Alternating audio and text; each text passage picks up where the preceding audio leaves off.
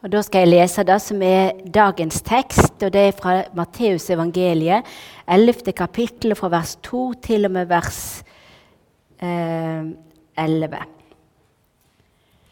I fengselet fikk Johannes høre om alt Kristus gjorde. Han sendte båd med læresveinene sine og spurte er du den som skal komme, eller skal vi vente en annen? Jesus svarer, gå og fortell Johannes hva det hører og ser.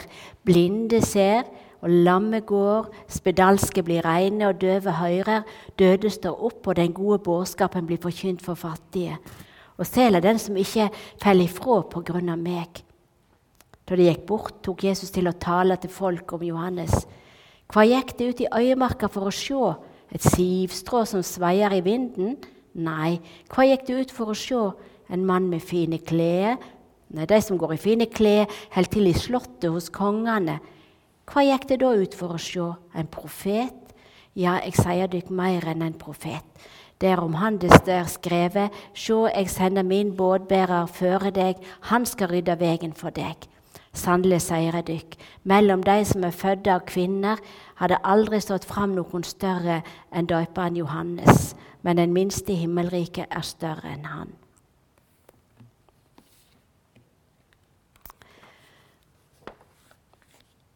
Jeg er vokst opp med en pappa som var forretningsmann og gründer. Og siden jeg kom inn i mamma og pappa sitt liv når, bare, når de var bare 19, så har jeg vært med på hele reisa. Eh, de hadde lite penger når jeg var liten, men det kom seg etter hvert. Pappa reiste rundt på moped og solgte livspoliser. En stund hadde han krykka med, for han hadde sparka fotball eh, barfot og knekt storetåa. Han hadde generalagentur på import av lim fra USA. Han starta idrettslag, butikker, drev hotell og var politiker. Og han var alltid på farten. Men når han var hjemme, så fortalte han oss ungene hva han holdt på med, og hva slags planer han hadde. Og det var veldig spennende. Og vi var veldig inkludert og involvert i det han holdt på med. Og jeg var ikke mer enn elleve når jeg hadde min første sommerjobb som telefondame på kontoret. Hvorfor forteller Jeg fikk to kroner timen. Hva forteller jeg? Hvorfor forteller jeg dette her? Jo, for jeg har en annen far, og han òg har store planer. Og som jeg får lov å være en del av. Eh, min far han lever i et tidsspektrum, ikke sant? og, han har jo, eh, og jeg har levd 64 år med han. Men den himmelske far som jeg har, han har store, store planer. Og jeg tenker Før vi går og zoomer inn på Johannes, så skal vi zoome ut og se litt på den store planen og det store bildet. Fordi Bibelen forteller om en Gud som skapte himmel og jord. Eh, og ga mennesket oppdraget i å forvalte skaperverket og bli mange. Men vi vet at det gikk ikke så bra, for det gikk ikke så lang tid før de hadde rota det til. For det var ett tre de ikke hadde lov å forsyne seg ifra, og slangen klarte å lure dem. Og så måtte de bære konsekvensen av det, og synd og nød og elendighet kom inn i verden, og de ble kasta ut ifra paradiset. Men Gud hadde en plan. Han hadde en redningsplan, og så sagt, Han gav det ikke opp. Og sakte, men sikkert så realiserte han den planen. Han plukka ut, han sa ting til de som levde nær han, for det var noen gudfryktige hele veien som han kunne snakke med og legge sin plan ned i og fortelle om.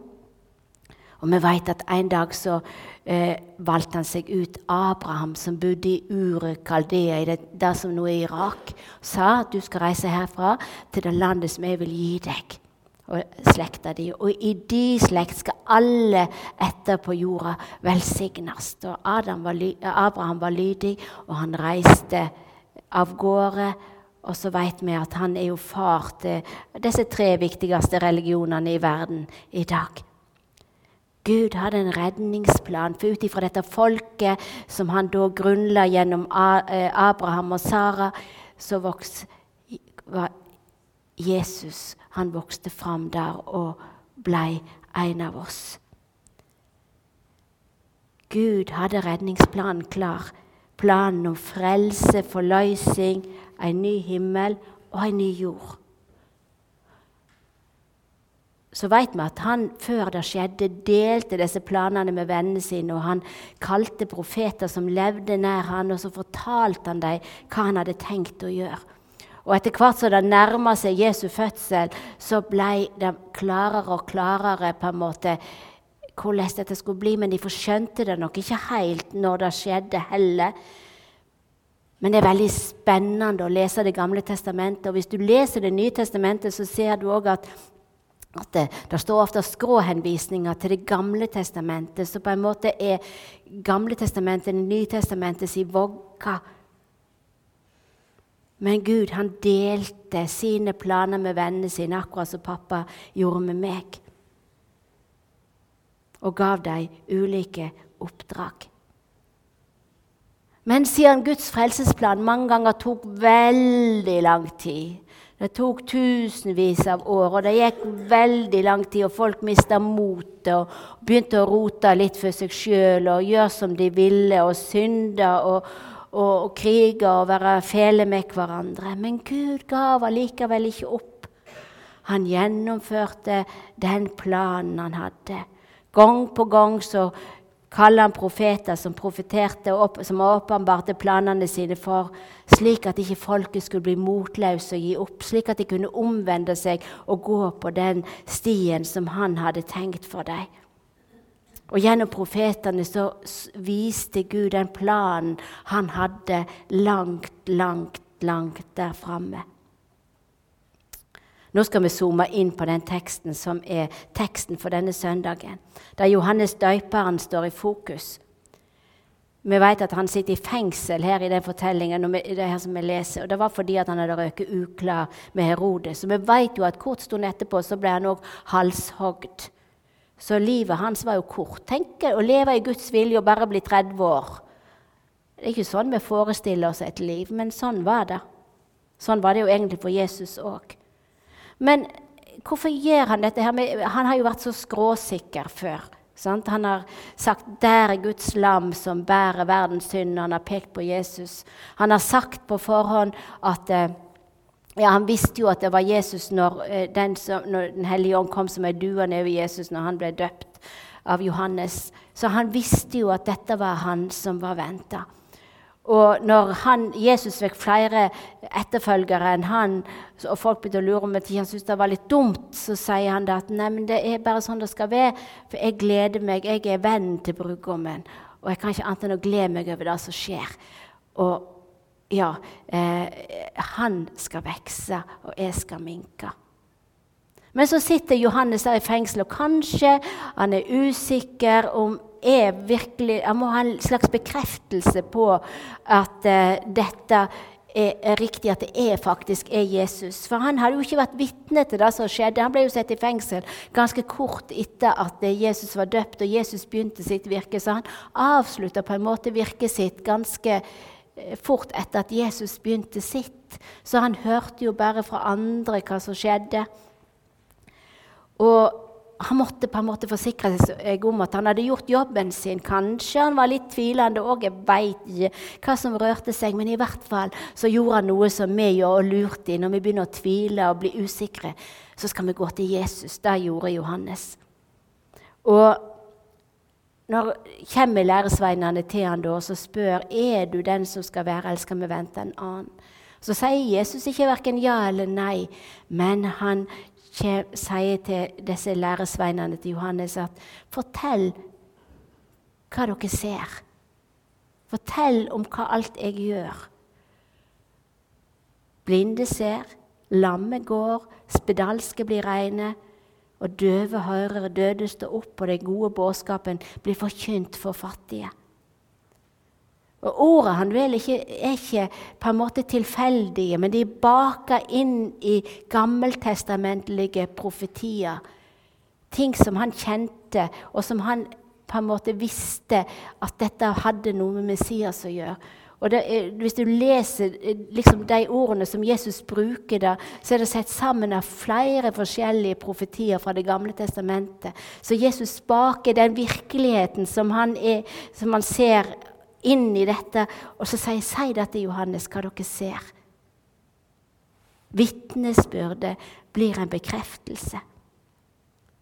At profetiene går i oppfyllelse, er bevis nok.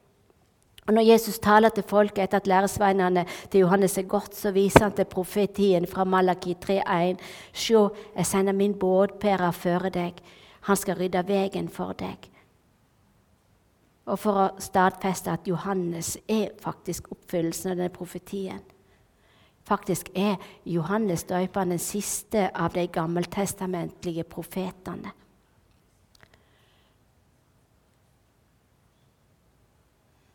Men så tenker vi kanskje at Ja, eh, hvorfor, hvorfor snakker vi så mye om Johannes i adventstida? Det har jeg lurt mange ganger på, men det, litt, det skal jeg komme litt tilbake til seinere.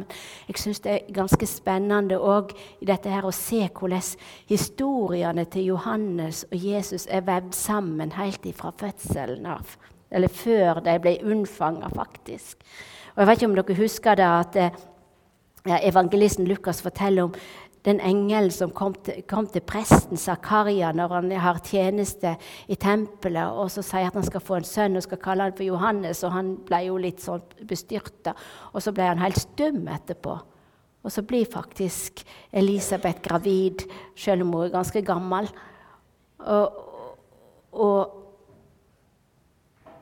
ja, og så er det jo engel Gabriel som går til Maria og så sier til og, og får, eh, får, beskjed om at hun skal få Jesus. Og så sier hun at Elisabeth er gravid, så hun skal ha et barn. Og så blir de knytta sammen, og så profeterer Elisabeth over Maria i det hun kommer. Tenk hvor Gud knytter mennesker sammen helt fra starten av. Og at en rydder på en måte litt vei for hverandre for det Gud har tenkt å gjøre. Og så vet vi at disse to guttene var totalt ulike i, utlev, i, i, hvordan de levde ut sitt kall.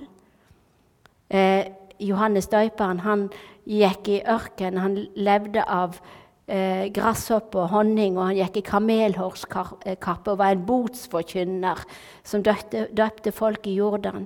Jesus han ble jo kritisert fordi han gikk rundt og, og, spiste med alle, og alle disse som ikke folk likte at han skulle være i lag med, og helbreda på sabbaten og gjorde masse andre ting som de ikke likte. Men de var totalt forskjellige.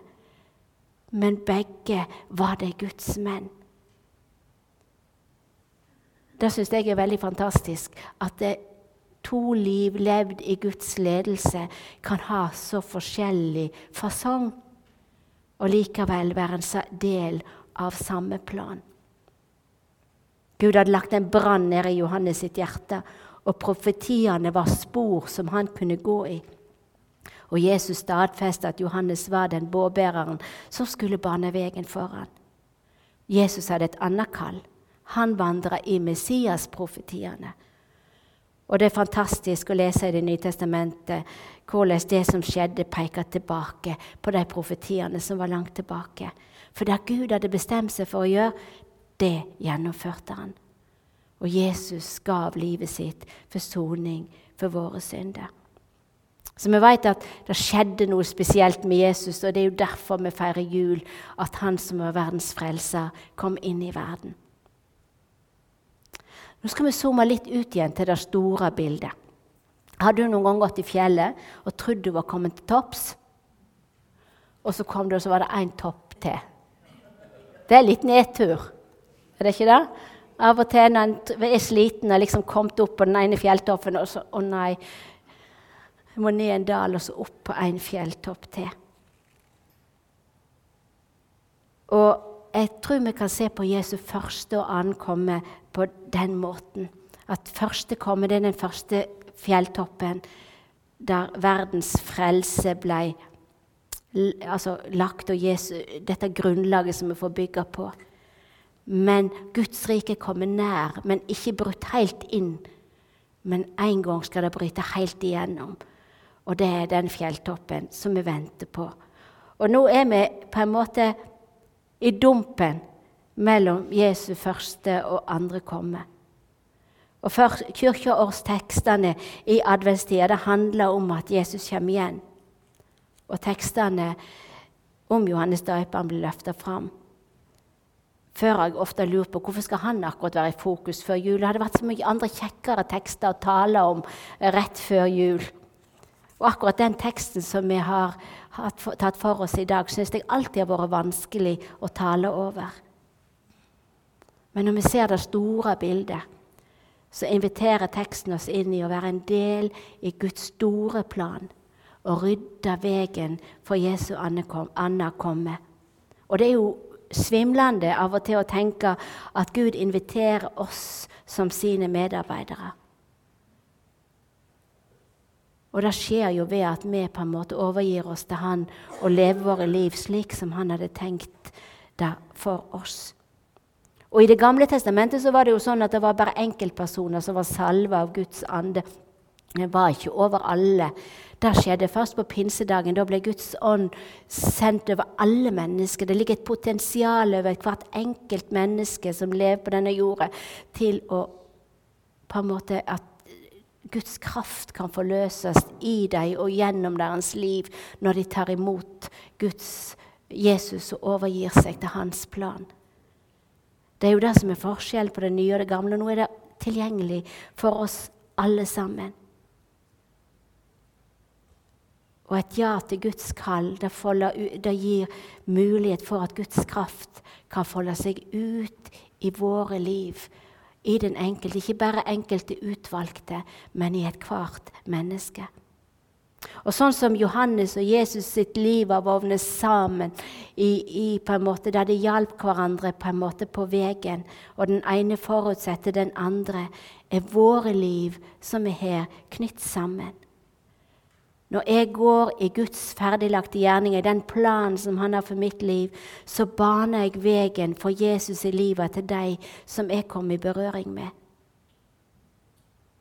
Og Innimellom så blir vi også klar over at vi kan være viktige personer eh, i Jesu handling med et annet menneske. Og det er fantastisk å få lov å være en sånn veirydder, slik at Jesus kan komme inn i andre mennesker sitt liv.